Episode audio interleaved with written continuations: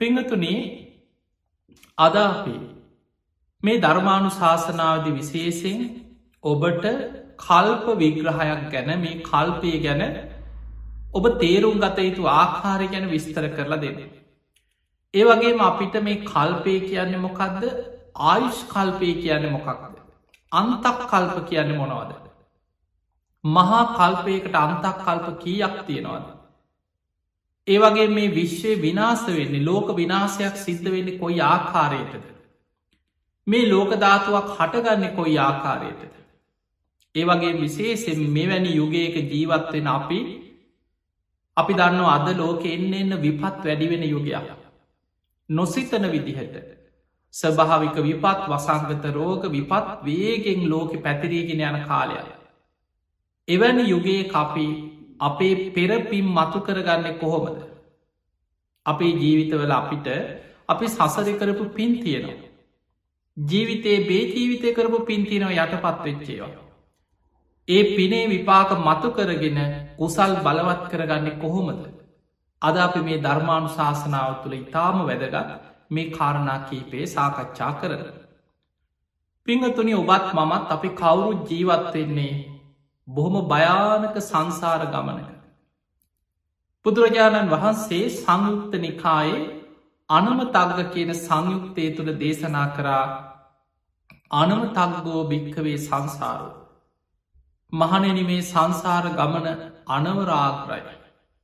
පුබ්බා කෝටි නැපඥා ඇති පටන්ගත්ත කෙලවරක්කත් හොයන්න බැරිතරක් දීර්ග සංසාර ගමන. මේ සත්වයාගේ සංසාර ගමනේ පටන්ගත්ත කෙලවරක් බුදු කෙනෙකුට බුදුවැසිංවත් දකින්න බැරි තරන් දීර්ග කෙලවරක් නොපෙනෙන සංසාර ගමන. දැන් අපි ගත්තොතුන් අපි ඉස්සරලා කල්පය ගැන තේරුම් ගන්න කලින් මේ උපමා කීපෙ තේරුම් ගමු දවසක් බුදුරජාණන් වහන්සේකින් අහනවා සාමේනී භාක්‍යතුන් වහන්ස ඔය කල්පය කල්පය කියනො කල්පය කියන්නේ කොච්චරද. දැන් අපි මේ කතා කරන්නේ මහා කල්පයක් ගැන. බුදුරජාණන් වහන්සේ වදාලා අවුරුදුවලින් සීයයි දාහයි ලක්ෂයයි කියලා බින්දුගානකින්නම් කල්පයට කල්පය බින්දු ගානකින් ඉලක්කමෙන් කියන්න බෑක ඒ තරන් දීර්ගයි දැන් ඔබට හිතට පුළයිති ඉලක්කමෙන් කියන්න බැරිනම් මොකද අපි දන්න අපි සමහර දේවල් ඉලක්කමෙන් කියන්න අවුරුදුවලින් ගත්තා අවුරුදු සීය දාහ ලක්සේ අපිට තේරෙනවා ඉලක්කමෙන් කියපුහම හැබැයි සමහරේවා තියෙනවා අපිට ඉලක්කමෙන් කිව්වත් බින්දු ගාන වැඩිවෙන්න වැඩිවෙන්න අපේ නිකං ඔළුවත් විපිරිසර වෙනවා. හිතාගන්නවත් බැරීවතිනවා ඔබ නිකං හිතන්න මෙහෙම කිව එකයි බින්දු දෙසිය පණහක් හිතර හිතාගන්නවත් බෑන. ඔබට ඉලක්කම කියාගන්නවත් බෑ. හිතන්නවත් බෑ. ඒවගේ බුදුරජාණන් වහන්සේ වදාලා කල්පය කියන්න මෙච්චරක් කියලා බින්දුගානෙන් කියන්න බැරි තරන් දීර්ඝ කාලයක්. එදකොට මේ කෙනා මේ බමුණා බුදුහාදුරගෙන් ප්‍රශ්නය හපු කෙනා හනෝ සාමීනී එහෙමනම් ඔය කල්ප තේරුම් ගන්න මට උපමාවක් කියන්න අන්න බුදුරජාණන් වහන්සේක උපමාවක් කියනවා යොදුනක් දිග යොදුනක් පලල යොදුනක් උස විශාල අබ කන්දක් හිතන්න කියව. ඔබ හිතන්න අබෑට අබෑට දන්න නිතාම පුංචි අබෑටය. එතකොට මේ අබෑට ගොඩ ගහල ගොඩ ගහල අබ කන්දක් තියෙනවා. අබ කන්දක් කියන මේ පුංචි කන්දක් නෙමෙයි. යොදුනක් යොදුනක් යැනෙ සැතපුම් දාසයක්. දිග සැතපුම් දාසයක් පලලට ඒ තරම් උස තියෙන අප කන්දක් තියෙන. එදකොට මේ කන්ද දැන් ඔබට සැතපුම් ගානින් මැනේ නැතිවුණනාටනික හිතෙන් හිතන්න අපි දන්න කන්දක් සිදී පාද කන්ද වගේ අබ ගොඩක් තියෙන අබ කන්දා. අවුරුදු සීයකට එකා බෑටයක් අයින් කරන. ඔන්න උපමාව. අවුරුදු සීයක් ගතවෙච්ච තැන එකා බෑටයක් අයින් කරන. තවත් අවුරුදු සීයක් ගතවෙච්ච තැන තව එකා බෑටයක් අයින් කරන. තවත් අවුරුදු සීයක් ගතවෙච්ච තැන තව එකා බෑටයක් අයින් කර. ඔය විදිහට යම් කාලයක් එනවද අර විශාල අභකන්ද අවසන් වෙන. අවුරුදු සීයකට එකා බෑටේ බැගින් ඉවත් කරලා යොදුනක් දිග යොදුනක් පලල යොදුනක් තරන් උස අභකන්ද අවසන් වෙන දවසක් කෙනවද. මහා කල්පයක් කියන්නේ ඒ තරත් දීර්ඝ කාලයක් කියලා බුදුරජාණන් වහන්සේ උපමාවකින් දේශනා කර. දැන් ඔන්න ඔය උපමාවෙන් අපිට ටිකක් තේරෙනවා. තවත් තියෙනවා අනමතක්ග සංයුක්ත කල්පය ගැන තවත් වෙන විදිහ විග්‍රහය. එතනදිත් බුදුරජාණන් වහන්සකින් විමසනා සාමීනී භාග්‍යතුන් වහන්ස කල්පය කල්පය කල්පය කියනවා කල්පය ගැන කොච්චරද. බුදුරජාණන් වහන්සේ එතනදිත් අර පිළිතුරම දෙනවා අවුරුදුවලින් නම් බින්දුගානෙන් සීයයි දාහයි ලක්ෂයයි කියලා ඉලක්කමින් කියන්න බැරි තරන් දීර්ගය. අනේ ස්වාමීනී එහෙනම් උපමාවක් කියන්න. අන්න බුදුරජාණන් වහන්සේ වෙනත් උපමාවක් කියනවා. යොදුනක් දිග යොදුනක් පලල යොදුනක් උස විශාල ගල් පර්වතයක් තියෙන. තනි ගල. මේ ගල පුහර නැති සිදුරු නැති බොල්වෙච්ච නැති තනි ගලක්. අවුරුදු සීයකට එක වතාවක් සිනිදු සලුවක්. යන්තන් උඩින් පිහදාගෙන ඇතිල්ලීගෙන යන ඒ කාලෙ තිබුණ කසී සලුව ඉතාම සිනිදු සලුව අපි අහිතම යන්තන් උඩින් පිහදාගෙන යන අර ගල උඩි කසී සලුවකි අවුරුදු සීයකට එක වතාව ආයමත් අවුරුදු සීයක් ගෙවිච්ච තැන තවත් එක වතාවක් කසී සලුවක යන්තන් උඩින් පිහදාන. තවත් අවුරුදු සීයකට පස්සේ ආයත් උඩින් පිහදාන. යම් දවසක් කෙනවද මේ පිස දැමීම නිසා අවුරුදු සීයකට එකවතාවක් පිස දැමීම නිසා මේ විශාල ගල් පරවතය ගෙවිලා ගෙවිලා ගෙවිලා ගෙවිලා අවසන්ම වෙලා යන දවසක්කෙයිද. කල්පය කියන්නේ ඒ තරන් කාලයක් මහා කල්ප එකක් ගැනොයි කියය. ඒ වගේ හිතාගන්න කියව. දැන් ඔබට තවත් තේරෙනවා. ඔබේ ගෙදර ඇති මිරිස් ගලක්. ඔබේ පරණ මහගෙවල් ගැන හිතන්න පරම්පරා දෙක තුනක් ඔබේ ආච්චිල සියලගේ කාලේ නම් ගෙදර තිබ මිරිස් කල ගැන හිතන්න. ඔය මිරිස් කල කාලයක් යනකොට ලූුණු තලනවා මිරිස් සබරනවා සම්බෝල හදනවා නොඒක් විදිහට ඔයි මිරිස් ගලේ කාලයක් යනකොට අවුරුදු ගානක් යනකොට මැදින් චුට්ටක් වල වගේ හැරෙන. එතකොට හිතන්න කී වතාවක් දවසකට කොච්චර නල්ලුණු තලනවා මිරිස් සබරනවා කොච්චරනං ගල ගෙවෙන කාරණාව. එතකොට මෙතන කිය දැ බලන්න එතකොට ගලක් ගෙවෙන ආකාරයපට තේරෙනවා. කොච්චර කාලයක් යනවද යන්තම් වල වගේ ගලක හැරෙන. මේ උපමාවයි බුදු හාන්දුරුව පෙන්නුවේ අවුරුදු සීයකට එක වතාවක් යම්තන් සිනිදු සලුවකින් උඩින් පිහදානව විතරයි. ඒ පිස දැමීම නිසා යම් පුංචි ප්‍රමාණයක් මේ ගලේ ගෙවෙනවද. මේ ගල පුංචි ගලක් නෙමේ. යුදුනක් දිගද. යොදුනක් පලල යොදුනක් උස කැන සැතපුම් දාසයක් දිග පලල උස ඇති විශාල ගල් පරවතයක් ගෙවිලා ගෙවිලා ගෙවිලා අවසන් වෙනවද මහා කල්ප එකක් කියන්නේ ඒ වගේ කිය ඔය කියන්නේ එක කල්පයක උපමාව දැන් ඔන්න ඔබට අපි කල්පයක උපමා දෙකක් කියලතුන්න අර අබෑට උපමාවයි ගල් පරවතයක් ගෙවෙන උපමාවයි තැන් ඔය උපමා දෙකෙන්ම තේරුම් ගන්න ඕන මහා කල්ප එකක් කියන්න මෙන්න මේ වගේ දීර්ඝ කාලයක්. ඊළඟට ඔබ මතකතියාගන්න අපි කතා කරනවා සාරා සංකේය කල්ප ලක්සේ. අපේ බෝසතාණන් වහන්සේ දීපංකර පාදමූලේ විවරණ ගත්ත තැනයිදං සම්මා සම්බුද්ධත්වයට පත්වෙන තැන දක්වාම සාරා සංකේය කල්ප ලක්ෂයක් දසපාරමී සම්පූර්ණ කරගෙනාව කියල. දැන් හිතන්න අර කිව එක මහා කල්පයක්. එවැනි මහා කල්ප අර්ගල් පර්වතයක් ගෙවෙන කාලෙ අබෑට උපමාව ඔය උපමාවෙන් කීවේ එක මහා කල්පයක කාලෙ. එතකොට එවැනි මහා කල්ප අසංකේය හතරක් තවත් කල්ප ලක්ෂයක් සාරා සංකේය කල්ප ලක්සේ. අසංකේය කියලා කියන්නේ එකයි බින්දු එකසිය හතලියක්. එතකොට එවැනි එකයි බින්දු එකසිය හතලිහේව හතර ගුණයකුත් තවත් කල්ප ලක්ෂයක් තමයි සාරා සංකේය කල්ප ලක්සේ.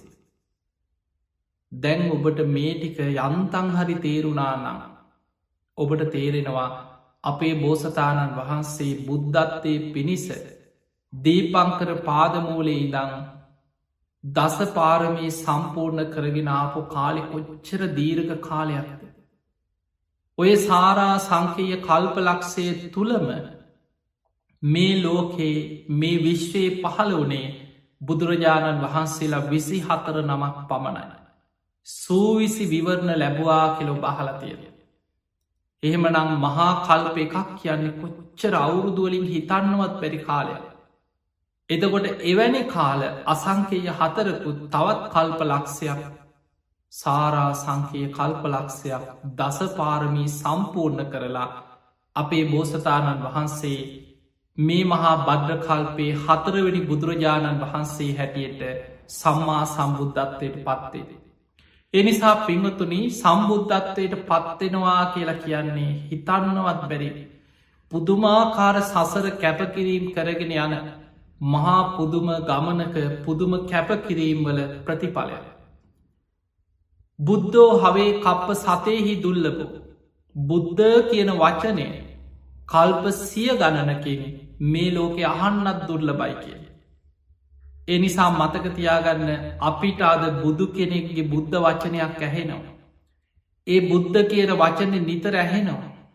ඒ බුදුරජාණන් වහන්සේ ගැන හිත පහදිනවා. අපි අද මලක් හරි පූජ කරනවා. බුදුගුණයක් සිහි කරනවා. බුදුගුණ ගැන සිහිකරමින් භාවනා කරන. ඒ බණහල හිත පහදවනු. මේ ලෝකයේ සාරා සංකේය කල්ප ලක්ෂයකටම පහළ වනේ බුදුරජාණන් වහන්සේලා විසි හතර නමක් පමණ. බුද්ධ ශූර්ණය කාල කල්ප සිය දහස් ගණන. අසංකේය බැගින් අවස්ථා හතරක් විටිං විට බුද්ධ ශූර්ණයව තිබිලතියෙන. ඒ නිසා මේ ලෝකෙ බුදු කෙනෙක්ගේ බණපදයක් බුද්ධ කියන වචනවත් අහන්න නැති කාල කල්ප සිය දහස් ගණන් ගෙවිලෑන. මතකතියාගන්න ඔය දීර්ග කාලය තුළ අපිට මෙච්චර කාලයක් කියල හිතුවට ඔබත් මමත් මේ බණහන සියලු දෙනාමත් මේ සංසාර ගමනේ ඔය කාලෙ කොහේ හරි ඉපදීපදියාව. කෙලවරක් නොපෙනෙන සංසාර ගමන ආපු පිරිසක් ඔබත් මමන්න. අපි ඕන තරන් නිරේවල්වල දුක්විඳවිඳ ඉන්න ඇති කල්ප ගට. තිරිසං අපායවල්වල වැටිලා කොච්චර දුක්විඳ ඇත සසරි. ප්‍රේතාපායවල්වල කොච්චරනන් සසරි දුක්විඳල ඇද. අසුරාපායවල්වල කොච්චර දුක්විඳල ඇද. හිඟන්න වෙලා සමහර වෙලාවට අතපයි විකෘති වෙලා ඉපදිලා මානසික රෝගීන් හැටියට ඉපදිලා ගුටිකාල පිහි ඇනුම් කාල මැරිච්චවාර මේ දීර්ග සංසාර ගමනේ අනමතක්ග සංයුක්ති බුදුරජාණන් වහන්සේ පෙන්න්නනවා මහනෙන මේ සතර මහා සාගරයේ ජලය ඔබ දන්නවා මහමුහෝද මහා සාගරයේ කොච්චර ජලයක් තියෙනවා. මේ ලෝකෙ ප්‍රමාණය ගත්තහම සාමාන්‍යයෙන් ගොඩබිමට වඩා වැඩිපුරම තියෙන්නේ මහා සාගරය වැහිලා මුහුදෙන් වැහිලතිය. බුදුරජාණන් වහන්සේ උපමාවකට පෙන්නවා එක පුද්ගලයෙක් මේ දීර්ග සංසාර ගමන ඉපද ඉපද ඉපද ඉපදියන සසර ගමනේ තමන්ගේ අම්මගේ බීල තියෙන මව්කිරි ටික මේ සතර මහා සාගරී ජලයට වඩා වැඩී කියල හිතන්න කිය. මාතු තඥ කෙන සූට්‍ර බුදු හාන්දුරු පෙන්නවා. තමන්ගේ අම්ම නිසා හැඩූ කඳුළු සතර මහා සාගරයේ ජලයට වඩා වැඩී කියව සංසාර ගමන. තමන්ගේ පියානි සනේ මගේ පියා නැති වුණා කියලා හැඩූ කඳුළු සතර මහා සාගරයේ ජලයට වඩා වැඩි. මේ ඔබත් ඔබත් මමත් ගෙවාගෙනාපු සංසාර ගමනි ස්භාවේ.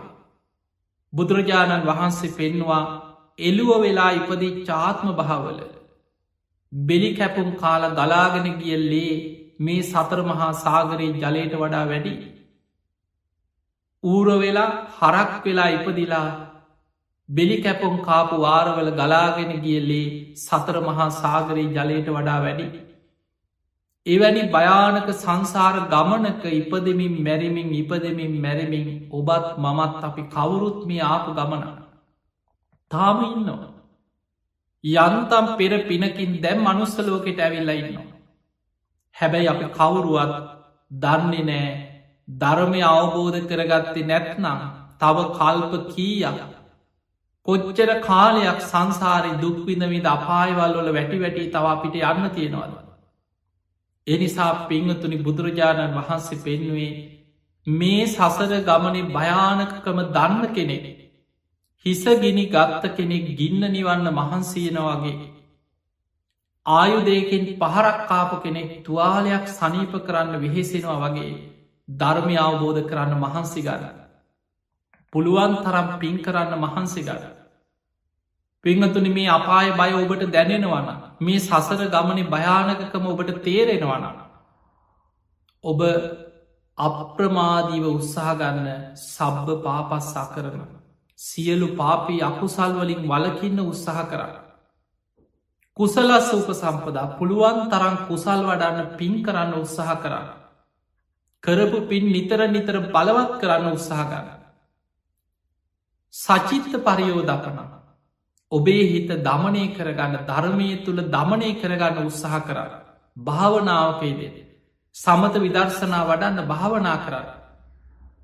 ඒ තම් බුද්ධානු ශාසන මේක තමයි බුදුරජාණන් වහන්සේලා ලෝකෙ පහළ වෙලා විටිං විට කලාතුරකින් පහළ වෙන මේ සියලු බුදුරජාණන් වහන්සේලාගේ දේශනාව හරේ ඒ තමයි බුදුරු පෙන්නන මාර්ගය ඒ නිසා ඔන්න ඔය කාරණී තේරුම් අරගෙන අපි දැන්ෙමු එක කල්පයක් ගැන එක මහා කල්ප එකක ප්‍රමාණි ගැන තේරුම් ගබ එක කල්පයක් දැන් ඔබට මතක් කෙන්න්න ඕන අපි මේ දේශනාව මුලදිම සිහිපත් කරා අර අබෑට උපමාව යුදුනක් දික යොදුනක් පලල යොදුනක් කුස විශාල අබ කන්දා.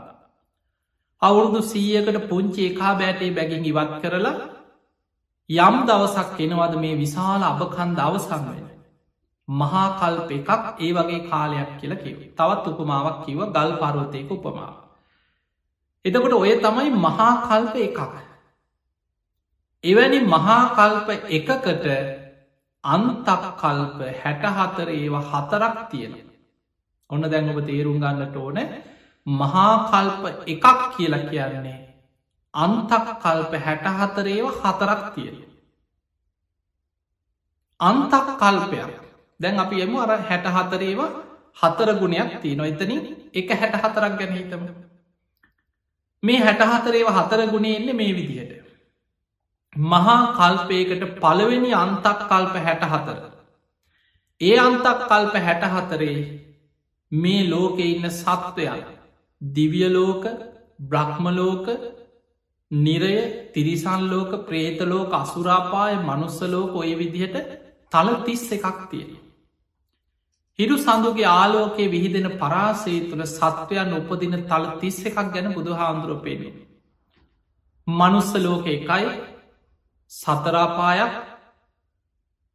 දිවියලෝක හයක් රූපාවචර බ්‍රහ්මලෝක දාසයක් අරූපී බ්‍රහ්මතල හතරක් ඇතුළත්.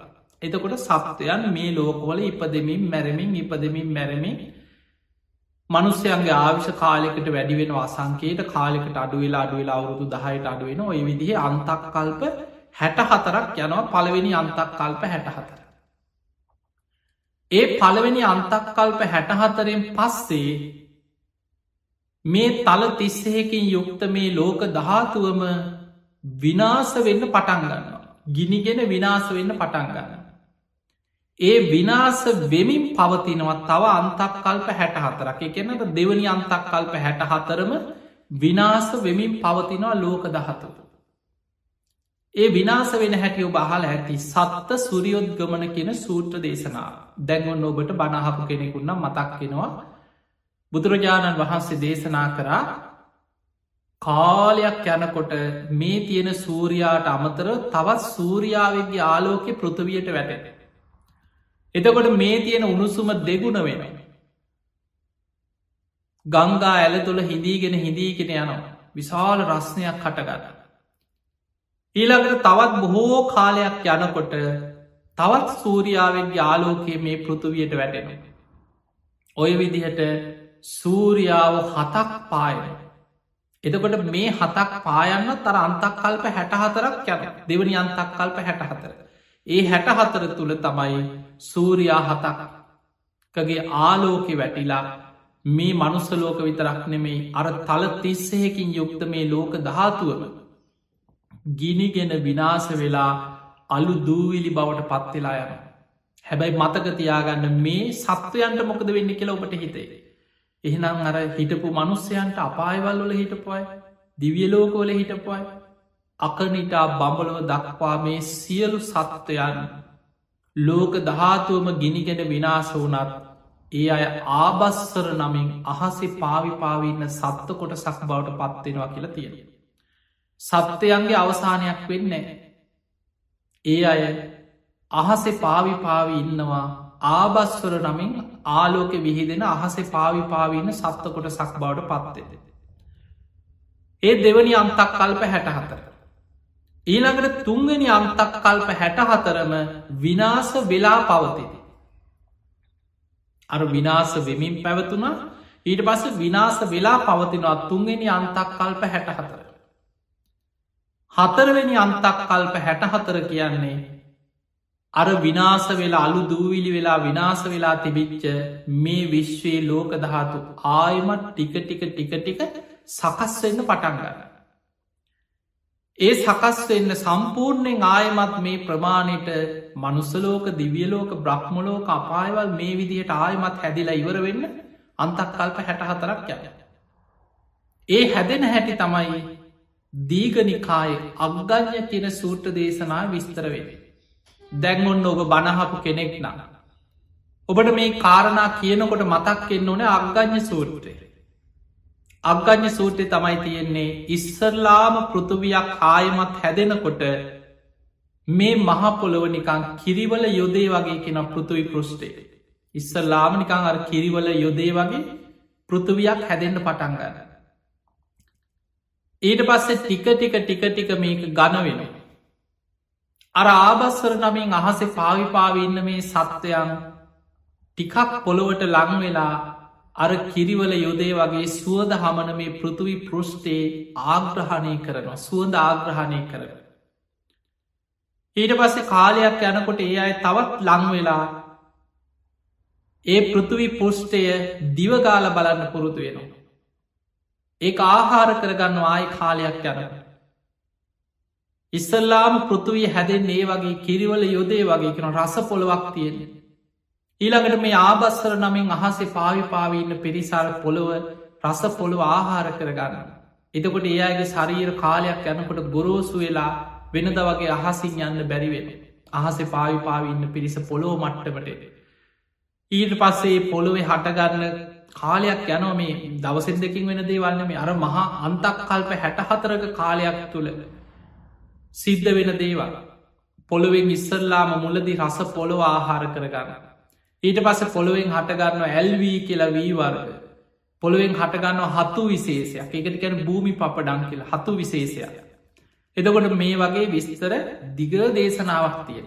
ඒ දේශනාව තියෙන දීගනිකාය අග්ගන්න සූට්ට. එදකොට ඔන්න අන්තක් කල්ප හැට හතරේව හතර සම්පූර්ණ වෙන්න ඔය විදිහට. පළවෙනි අන්තක් කල්ප හැට හතර තමයි මේ සත්වයන් මේ විදිහට ඉපදමින් මැරමින් මේ තල තිස්සේකි යුක්ත ලෝක දහත්තුව තුළ ආවිෂ කාලෙකට වැඩි වෙන අඩු වෙන ඔහොම අඩුවවී වැඩිවී අන්තක් කල්ප හැට හතරක් පුරාවට යන. ඒ අන්තක් කල්ප හැට හතරෙන් පස්සේ ලෝක දහතුවම විනාසවින් පවතින අන්තක් කල්ප හැට හතර. ඒ දෙවනි හැට හතර. තුන්ගනි අන්තක් කල්ප හැට හතර විනාස වෙලා පවතින. හතරවෙනි අන්තක් කල්ප හැට හතර විනාස වෙච්චදේ ආයමත් පෙරවිදිහට සකස් වෙමින් පවතින. ඔන්න ඔය අන්තක් කල්ප හැට හතරේව හතරක ප්‍රමාණය තමයි මහා කල්ප එකක් කියලා කිය. ඔන්න මහා කල්ප එකක් අපි අන්තක් කල්ප හැට හතරේව හතරකට බෙදල විස්තර කරලා තේරුම් ගත්තත. මහා කල්ප එකක්. ඒ මහා කල්ප එකක් කියනකට දැම් මතක්කෙන් නොන අරුපමාව. අරාබෑට උපමාව විශාල ගල් පර්වතයක් අවුරුදු සීයකට වතාවක් සලුවකින් පිය දාලා ගෙවිල අවසන් වෙන උපමාව. දැන් අපි එමුවට පළවෙනි අන්තක් කල්ප හැට හතරය කොහොමද විස්තර වෙන්න කියලා තේරුම් ගන්න අර හැට හතරේව හතරෙන් පළවෙනි හැට හතර. එතන අන්තක් කල්ප හැට හතර අන්තක් කල්ප එකක් කියන්න කියද්ද කියලා බලමු දැන. අන්තක් කල්ප එකක් කියලා කියන්නේ මේ මනුස්සලෝක ජීවත්වෙන මිනිස්සුන්ගේ ආවිස පිංහතුනේ මේ කාරණ ඔබ නුවනින් විශ්වය ගැන තේරුම් අරගෙන මේ සංසාර බය ඇති කරගන්න. නමුත් මේ ගොඩක් දේවල් ඔබට අපට ගෝචර වෙන්න මේක බුදු කෙනෙගේ විශ්ය මේ ලෝක විශ්‍ය අචින්තියය. ඒ අපි මුලින්ම තේරුම් ගන්නට ඕන.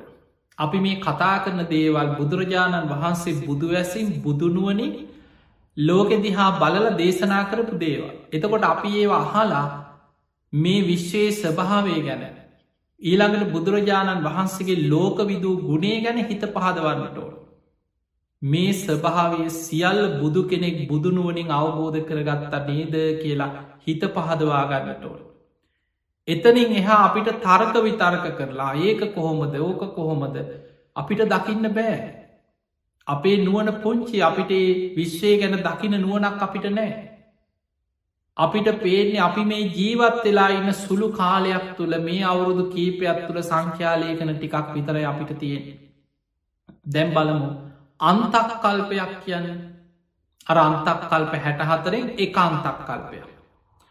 අන්තක් කල්පයක් කියල කියන්නේ මනුස්්‍යයන්ගේ ආවිෂ අවුරුදු දහයි දන් ටික ටික වැඩිවෙවී වැඩිවෙවී යන කාල තියෙනවා. මිනිස්සු කාලෙකට මේ ලෝකෙ ගුණධර්මවලින් වැඩිවෙවී වැඩිවෙවී වැඩිවෙවී යනකොට ආවිෂ වැඩිවෙන.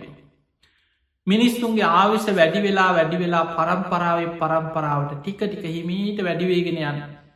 එහෙම වැඩි වෙලා වැඩි වෙලා කාලයක් එන අවුරුදු දහස් කනං ආවිෂ වැඩි වෙලා අවුරුදු ලක්ෂ ගණනින් ආවිෂ වැඩි වෙලා අවුරුදු අසංකයට ආවිෂ වැඩෙන කාලයක් කෙනෙ. අද අපිට හිතන්නවත් බෑ. මනුස්සලෝක ආවිශ අවුරුදු අසංකේයයි කෙනට හිතන්නවත් බෑ. කැන දිවිය ලෝකවල දිව්‍ය ආවිශත් ඉක්මවා යන මනුස්සලෝක ආවිශ කාලෙකට. එහෙම අසංකේයට ආවිශ වැඩි වෙලා ඒ වැඩිවෙච් ආවිශායමත් එතන ඉදං අඩුවේගේ අඩුවේගේ අඩුවේගේ අඩුවේගේ නැවිල්ලා මිනිස්සුන්ගේ ආවිශ අවුරුදු දහයට මඩුවෙන දවසක්කය. අන්නේ ආවිශ අවුරුදු දහයට අඩුවෙනකොට අර ආවිශ අඩුවෙන්නේ කෙලෙස් වැඩවීමත් එක. ඊට පස්ස මිනිස්සු ටික ටික රාග දේශ මෝහාදී අකුසල් බලවත්තෙද. ක්ලේෂ ධර්මයන් වැඩි වෙනවා. මිනිස්සු පවකංවලට අකුසල්වලට පෙළබෙනකොට පරම්පරාවෙන් පරම්පරාවට ආවිශ අඩුවවී අඩුවවියෙනවා. ඒම ආවිශ අඩුවෙලා අඩුවෙලා අවුරුදු දහයට ආවිශ අඩුවෙනකොට එක අන්තක් කල්පයක් ඉවරයි.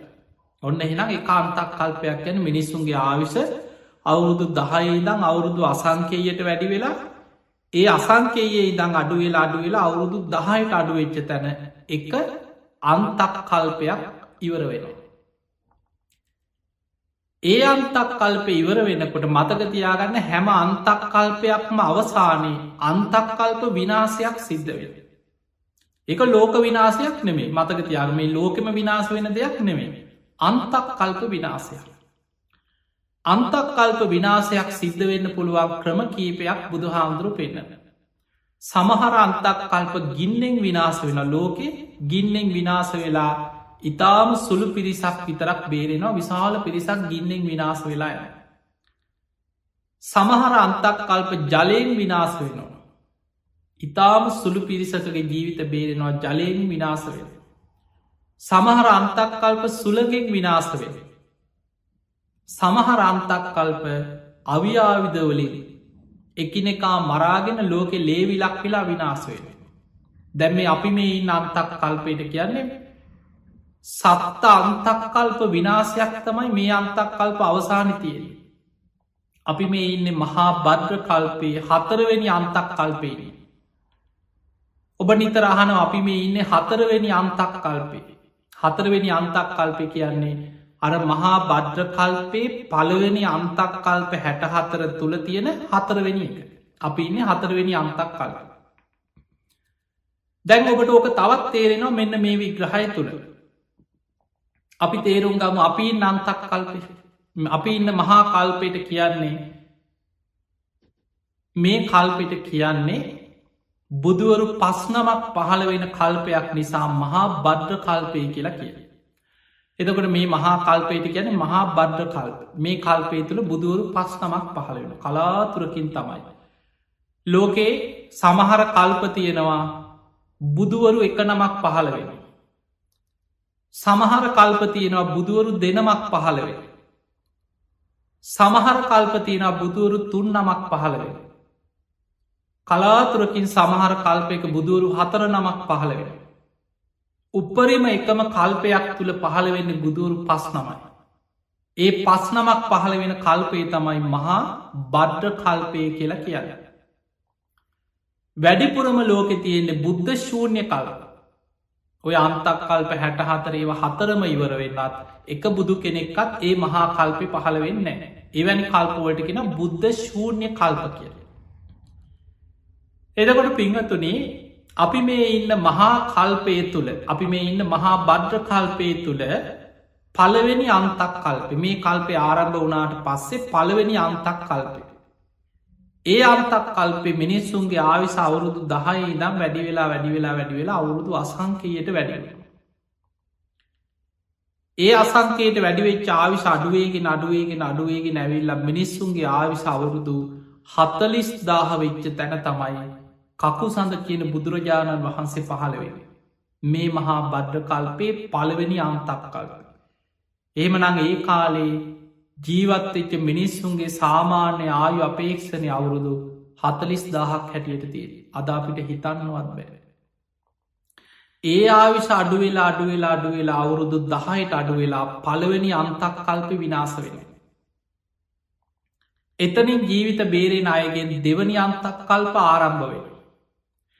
ඒ අයගෙන් කාලයක් යනකොට ටික ටික ගුණධර්ම වැඩි වෙලා ආවිශ වැඩි වෙලා වැඩි වෙලා වැඩි වෙලා ආයමත් අර අවුරුදු අසංකේයට ආවිශ වැඩිවේ.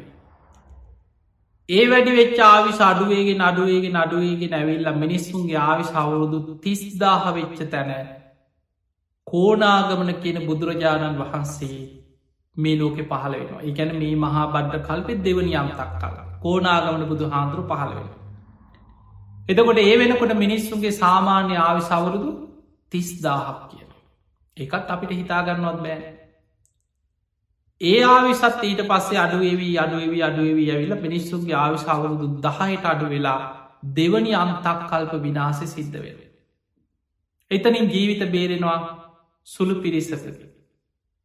ඒ අයගෙන් තුන්වැනි අන්තක් කල්ප පටන් ගන්නවා ආයමත් අර ඉතුරු විච්චායගෙන් පරම්පරාවෙන් පරම්පරාවට ආවිශ වැඩිවී වැඩිවී කිහිල්ල යම් දවසක අසංකයට ආවිශ වැඩිවේ. ඒ වැඩිවෙච් ආවිශ අඩුවේගේ අඩුවේගේ අඩුවේගේ නැවිල්ල මිනිස්සුන්ගේ ආවිශ අවුරුදු විසිදාහට අඩුවෙච්ච තැන තමයි කාශ්‍යප බුදුරජාණන් වහන්සේ මේ ලෝකෙ පහළවෙෙන. ගැන මේ මහා බද්්‍ර කල්පේ තුන්වැනි අන්තක් කල්පේ කාශ්‍යප බුදුරජාණන් වහන්සේ පහළ වෙනකොට මිනිස්සුන්ගේ ආවිශ අවුරුදු විසිදාහට අඩු වෙලා. තුන්ගෙන අන්තක් කල්පේ ගැන අදට වඩා ගොඩක් වැඩි හැබැ අපිට හිතාගන්නවත් බෑ. ඒ විසිදාහය ආවිසත් අඩු වෙලා අඩු වෙලා අඩු වෙලා අවුරුදු දහයට අඩු වෙලා තුන්ගනි අන්තක් කල්ප විනාසරේ. ඊට පස්ස ජීවිතේ බේරගත්තා අයගේ පටන්ගත්තේ හතරවෙනි අන්තක් කල්පය. ඔය හතරවෙනි අන්තක් කල්පෙ දැන් ආය ආවිශ වැඩිවෙවී වැඩිවෙවී අවුරුදු අසංකේයට වැඩිවෙවි. එහෙම අවුරුදු අසංකේයට වැඩි වෙලා ඒ වැඩිවෙච්ච තැන ඉඳම් ආවිශ අඩුවේගේ නඩුවේගේ නඩුවේගේ නැවිල්ල මිනිස්සුන්ගේ ආවිශ අවුරුදු එකසිය විස්සක් වෙච්ච තැන. අපේ ගෞතම බුදුරජාණන් වහන්සේ පහළ වනා මේ මහා බද්ධ කල්පේ හතරවෙනි අම්තක් කල්පේ හතරවෙනි බුදුරජාණන් වහන්සේ හැටියට. ඒමනං ඔබත් මමත් සරණ ගිය අපේ ගෞතම බුදුරජාණන් වහන්සේ පහළ වනේ මේ මහා බද්ධ කල්පේ අර අන්තක් කල්ප හැටහතරේව හතරෙන් පළවෙනි අන්තක් කල්ප හැටහතරේ හතරවෙනි අන්තක් කල්පේ තමයි පහළවෙෙන. අපේ බුදුරජාණන් වහන්සේ පහළ වනේ මිනිස්සුන්ගේ ආවිශ අවුරුදු දහස් කනන් තියෙන කාලික නෙමෙයි. මතක තියාගන්න දැන් අපිට අපේ නුවනින් මෙම තේරුම් ගන්න බැරි දේවල් තියෙනවා. ඒ තමයි මතක තියාගන්න අදාපීන්න මිනිස්සුන්ගේ ආවිශ්ට අවුරුදු සීයනුත් පහලට පිරිහිච්ච කාලෙක. අද සාමාන්‍ය මනුස්්‍යයන්ගේ ආයු අපේක්ෂාව අවුරුදු හැට හැත්තෑව හැත්ත පහතර හැබැයි අපේ බුදුරජාණන් වහන්සේ පහළ වෙනකට මිනිස්සුන්ගේ ආවිශ අවුරුදු එකසිය විස්සයි. බක්කුල මහරහතන් වහන්සේ අවුරුදු එකසිය හැටක් වැඩෙහිටි. අනුරුද්ධ මහරහතන් වහන්සේ අවුරුදු එකසිය පණහක් වැඩෙහි ඒකැන මීට වඩා එනම් ආවිශ ගොඩක් වැඩි. හැබැයි අවුරුදු දහස් ගණන් තිබ්බ කාලවල ලෝක ගැන බුදු හාන්දුරු පෙන්න්නනවා දීර් ගාවිශ ඇති කාලවල සක්විති රජවරු ලෝකෙ පහළවෙන. මේ මනුස්සලෝක ආවිස අවුරුදු දහස් ගනන් තියෙන කාලවල දිවියලෝකවලට වඩා මනුස්සලෝක සැප බහුල වෙනවා. එහෙමනම් අදා අපිට හිතාගන්නවත් බෑ දිවිය ලෝකවලටත් වඩා සැප බහුල මනුස්සලෝක ගැන තියෙනවා විස්තර. ඒ කාලවල මිනිස්සුන්ගේ ආවි සවුරුදු දහස් කන.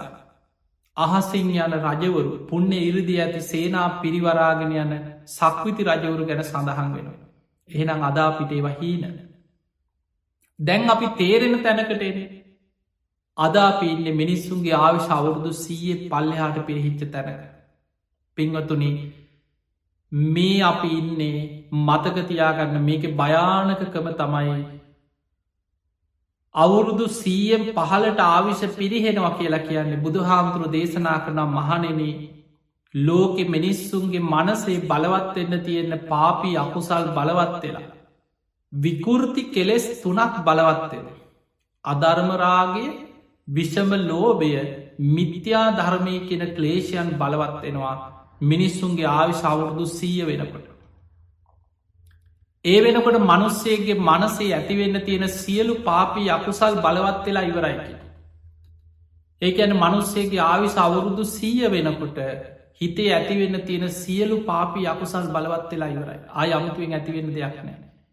ඒ ඇතිවෙච්ච කෙලෙස් විකෘති වෙනවා අධර්මරාගේ එක විකෘතියක් විෂම ලෝබය මිත්‍යා ධර්මය තුළ එහෙම කෙලෙසුන්ගේ විකෘති වෙනකොට මිනිස්සු සත්තු වගේ වෙනවා කියන. මනුස්සලෝක අපායවල් වගේ. අවුරුදු සීයෙන් පහලට පිරිහෙන්න පිරිහෙන්න මනුස්සලෝක අපායවල් වගේ වෙන. ඒම නම් මතකතියාගට අදාපි ජීවත්වෙන්නේ මනුස්සලෝකෙ සුගතියක් වුණාට අපායක් වගේ මනුස්සලෝකෙකයිදී. දිවියලෝකයක් වගේ කාලික නෙමෙයි.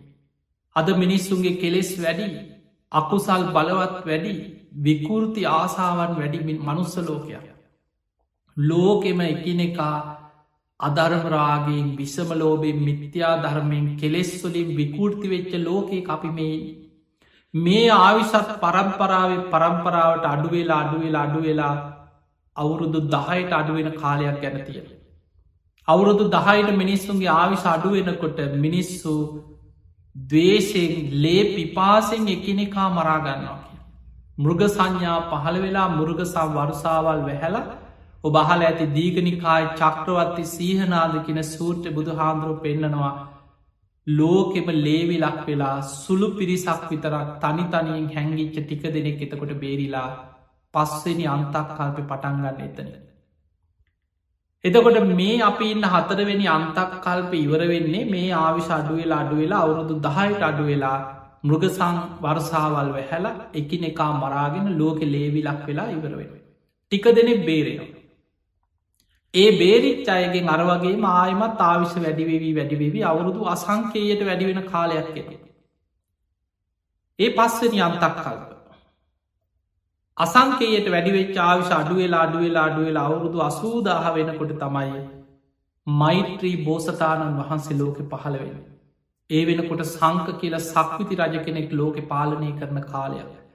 මෛත්‍රී බෝසතාණන් වහන්සේ පහළ වෙන කාලෙ සාමාන්‍යෙන් මේ මහා බද්්‍රකල්පේ අපි ඉන්න හතරවෙනි අම්තක් කල්පේ. තොට මෛත්‍රී බුදු හාන්දුර පහළවෙන් පස්වෙනි අම්තක් කල්ප. ඊළඟ අම්තක් කල්පේ. ඒ වෙනකොට මිනිස්සුන්ගේ ආවිස අවුරුදු අසූදාහ. ඒ අසූදාහ වෙන්නේ මේ තියෙන ආවිශ අවුරුදු දහයට අඩු වෙලා අන්තක් කල්ප විනාසයක් වෙලා ඒ ඉතුරු වෙනයගෙන් ආවිශ වැඩි වෙලා වැඩි වෙලා අවුරුදු අසංකේයට වැඩි වෙලා ඒ වැඩි වෙච්චාවිශ අඩු වෙලා අඩු වෙලා තමයි අසූදාහට අඩුවේ අන්න එතනදි තමයි මෛත්‍රී බුදු හාන්දුරු පහළවේ. ඒනම් අපිට තේරෙන ඔය ටික තේරුම් ගත්තනං මෛත්‍රී බුදු හාන්දුරු පහළ වෙන්න හිටානින්ද පහළ වෙනවා නෙමේ. අද හෙට පහළ වෙනවත් නෙමේ. තව අවුරුදුවලින් ගත්තොත් කෝටි ප්‍රකෝටි බිලියන ගානකට එහා වැඩි කාලයක් යයි අපිට හිතාගන්නවත් බෑ. මෛත්‍රී බුදුරජාණන් වහන්සේගෙන් පස්සේ තව අන්තක් කල්ප දැන් එතකොට හැට හතරෙන් පස්වනි අන්තක් කල්ප තමයි මෛත්‍රී බුදු හාදුර පහළව. එතනින් පස්සේ තව අන්තක් කල්ප පනස් නමයක්ම තියෙනවා බුද්ධ ශූර්ණියව යන. අර වගේ මවුරුදු අසංකයට වැඩිවෙන ආය අඩු වෙලා අඩු වෙලා අවුරුදු දහයට අඩුවෙන අන්තක් කල්ප විනාසයක් වෙනවා ආයි බේරෙනයගෙන් වැඩි වෙලා වැඩි වෙලා අවුරුදු අසංකේටන ඔය විදි අන්තක් කල්ප පනස් නමයක් ගිය තැන ආයමත් පටන් ගන්නවා ලෝකෙ විනාස වෙවී යන අන්තක් කල්ප හැට හතරක් කර දෙවනි අන්තක් කල්ප හැට හතර. ඊට පස්ස විනාස වෙලා හැට හතරක් තියෙන. ඊට පස්සේ ආයමත් ලෝකධාත්තුව සකස් වෙමින් හැට හතරක් තියෙන. ඔය විදිහට තිබිල අවසරන්න අර හැට හතරේ හතරම ඉවර වෙච්ච තැන තමයි මහා බඩ්්‍ර කල්ප ඉවරවෙේ. එතනින් පස්සේ තව මහා කල්ප කීයක් බුදු කෙනෙක් ලෝකෙ පහළ වෙනවද නැද්ද කියලා තාම විස්තරයක් දේශනාවක නෑ. මෛත්‍රී බුදු හාමුදුරු තමයි තව කල්ප කීයකින්ද ඊළඟට බුදු කෙනෙක් පහළ වෙන්න කියලා දේශනා කරන්න. එනිසා පිංහතුනි මේ අද ඔබට කියලදීපු දේශනාව ඔබ හොඳට අහගෙන හිටියන. ඔබ හොඳට තේරුම් ගත්තනං මේ සංසාර ගමන ගැන මේ විශ්වය ගැන සසරි ස්වභාවය ගැන ඔබට විශාල බයක් උපදේ. සංසාර බය ඇතිකරගත යුතුම්මයි සසර බයක් නොදකින කෙනා ධර්මාවබෝධයට වීරිය වඩන්නේ නෑ. ඒ නිසා සංසාර බය ඇති කරගන්න. ඊළඟට ඔබට මං කියල දෙන්න ඉතාම වැදගත් කාරණය. ඒ තමයි දැන් ඔබ දන්නවා මේ කල්ප විග්‍රහය හොඳට තේරුණානං ඔබට තේරෙනවා අපි ඉන්න ලෝකයේ පාම කරපු කාලෙක. මිනිස්සුන්ගේ ආවිශ අවුරුදු සීයනුත් පහලට පිරිහිච්ච කාලෙක. කෙලෙස් වැඩි කාලෙක. අකුසල් බලවත් කාලෙක. අධර්මරාගේ විෂමලෝබයේ මිත්‍යා ධර්මයෙන් යුක්ත කාලෙක අපි මේ ඉන්නේ. මෙවැනි කාලෙක ලෝකෙ ස්භාවික විපත් වැඩිවෙන. වසංගත රෝග වැඩි වෙන. ලේ පිපාසෙන් ඉන්න විකෘති මිනිස්සු වැඩි. මිත්‍යාදුෘෂ්ටික දේවල් ලෝකෙ වැඩි ධර්මය දියුණු කරන්න අමාරුයි. හැබැයි අපිට අමාරුයි කියලා විකල්පයක් නෑ. ඒ නිසා මෙවැනි කාලෙක ඔබ රැකිය යුත්තේ ඔබේ ගුණධර්මවලින් මයි. වෙන ඔබට පිහිටක් නෑ. ඔබේ ගුණධර්මයෙන්මයි ඔබ රැකෙන්න්නට ඕන. පිංහතුනි ධර්මය තියෙනවා මිනිස්සුන්ගේ ආවිශ අවුරුදු දහස් කනංවල දෙවියන්ගේ පිහිට මනුස්සලෝකෙට තියෙනවා. දෙවිවරු මිනිස්සු අතර පෙනේ ඉන්නවා දෙවියම් මිනිස්සුන්ට පිහිට වෙනවා. හැබැයි මිනිස්සුන්ගේ ආවිස පිරිහිලා පිරිහිලා අවුරුදු සීයෙන් පහලට පිරිහෙනකොට මනුස්්‍යයන්ගේ කෙලෙස්වල ස්භාවයක් එක්ක දෙවියම් මනුස්්‍යයන්ගෙන් ඇත්තෙනවා. දෙවියන්ගේ රැකවරන්නේ මනුස්සලෝකයට අහිමි වෙන්නේ මිනිස්සුන්ගේ ආවි සෞරුදු සීයේ පහලට පිරිහෙන්න පටන්ගන්න තැනයිල. අද වෙනකොට ලෝකෙ දෙවියන්ගේ රැකවරණය අහිමි වෙච්ච ලෝකයක්. හැබැයි අපිට රැකෙන්න තියෙන්නේ ධර්මයෙන්මයි. ධර්මී හැසිරෙන කෙනා ධර්මයෙන් රැකෙනවා කියන්නේ ඒකයි. ඒ නිසා ඔබ මෙවැනි යුගයක මෙවැනි විපත් බහුල කාලෙක හොඳට පන්සිල් රකින. ඔබට ආරක්ෂා වෙන්න තියෙන එතනින් ඔබේ සීලේ පිරිසිදු කරගන්න. අමාරුයි අඩාඩා හරි සිල් රකින. ඒක ප්‍රතිඵල ඔබ කරායන. ඊළඟට පෙරපින අපි බලවත් කරගන්න දක්ෂ වෙන්නට ඕන. ඔබත් මමත් අපි කවුරුත් සසර කරපු පින් තියෙන.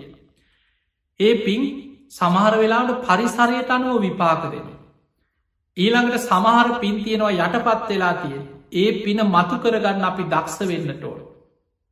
ඒ නිසා පින මතු වෙන්න නං එකට අපි ධර්මය කියනවා උපන්නා වූ කුසල් දියුණු කරගන්න. නූපන් කුසල් උපදවල.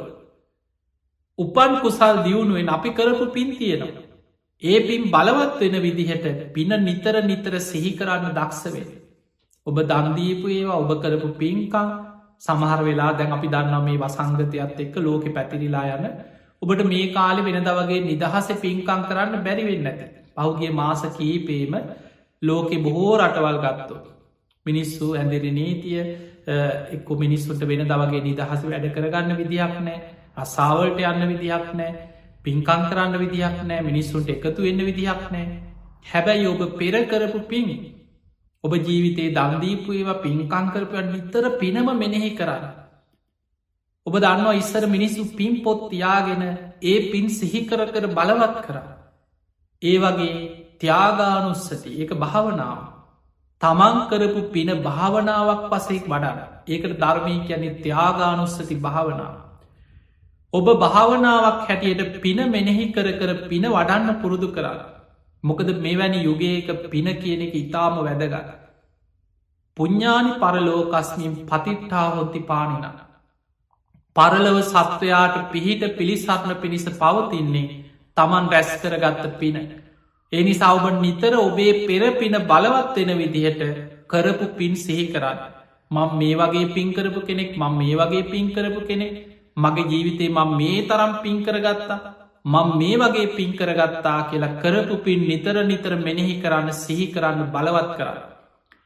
අලුතෙන් නිතර බුදුගුණ හිතාන අන්න නෝපන් කුසල් උපදිනවා. මෛත්‍රී භාවනා වගේ භාවනාවක් නිතර පුරුදු කරන්න.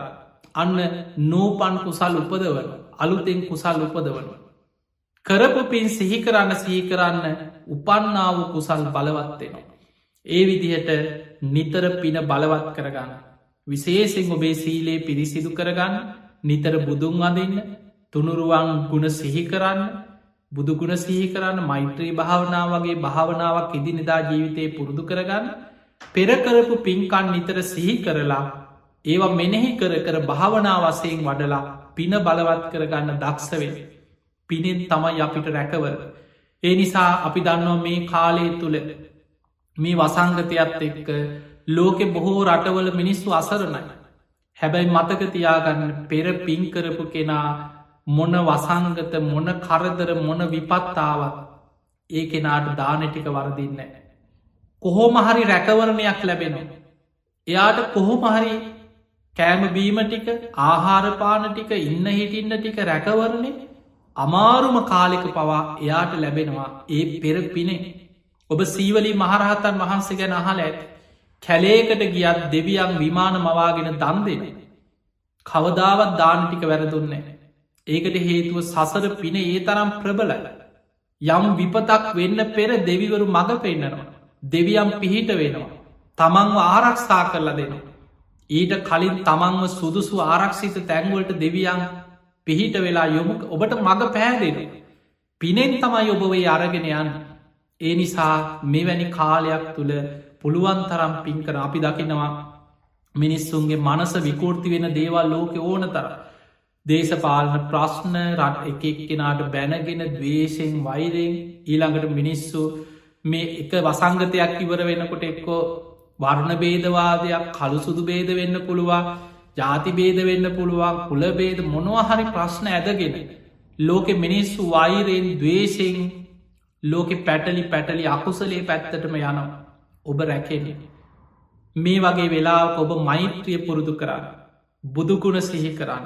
ඔබේ සීලාදී ගුණධර්ම ආරක්ෂා කරගන්න. අප්‍රමාදී වෙන්න සසර බය මෙනෙහි කරන්න. ඔබට අද මේ කියලදීපු කල්ප විග්‍රහය හොදට මෙනෙහි කරලා සංසාර බයක් උපදවාගන්න බොය කියපු කල්ප ගණන් සාරා සංකයේ කල්ප ගණන් සසර අපි කොහේ හරි අපායවල්වල වැටි වැටි ඔබත් මමත්තාව.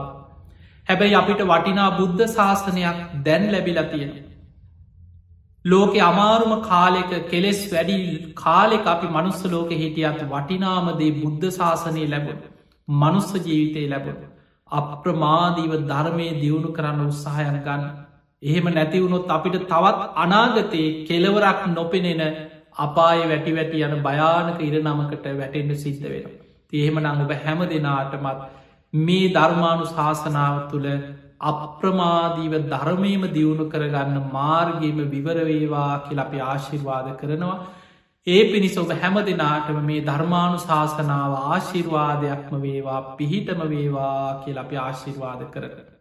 එමනම් පිංහතුනේ මේ ධර්මශ්‍රවනය ටැස් කරගස් සියලුපේ. සියලු දෙවියෝ සාධ කාරදිදී මේ පින් අනුමෝදන් වෙත්වා. දෙවියන්ගේ පිහිට රැකවරන ආශිර්වාදය ඔබ හැම දෙනාට මත් ලැබේවා ලැබේවා ලැබේවා කියල අපි ආශිර්වාද කරන.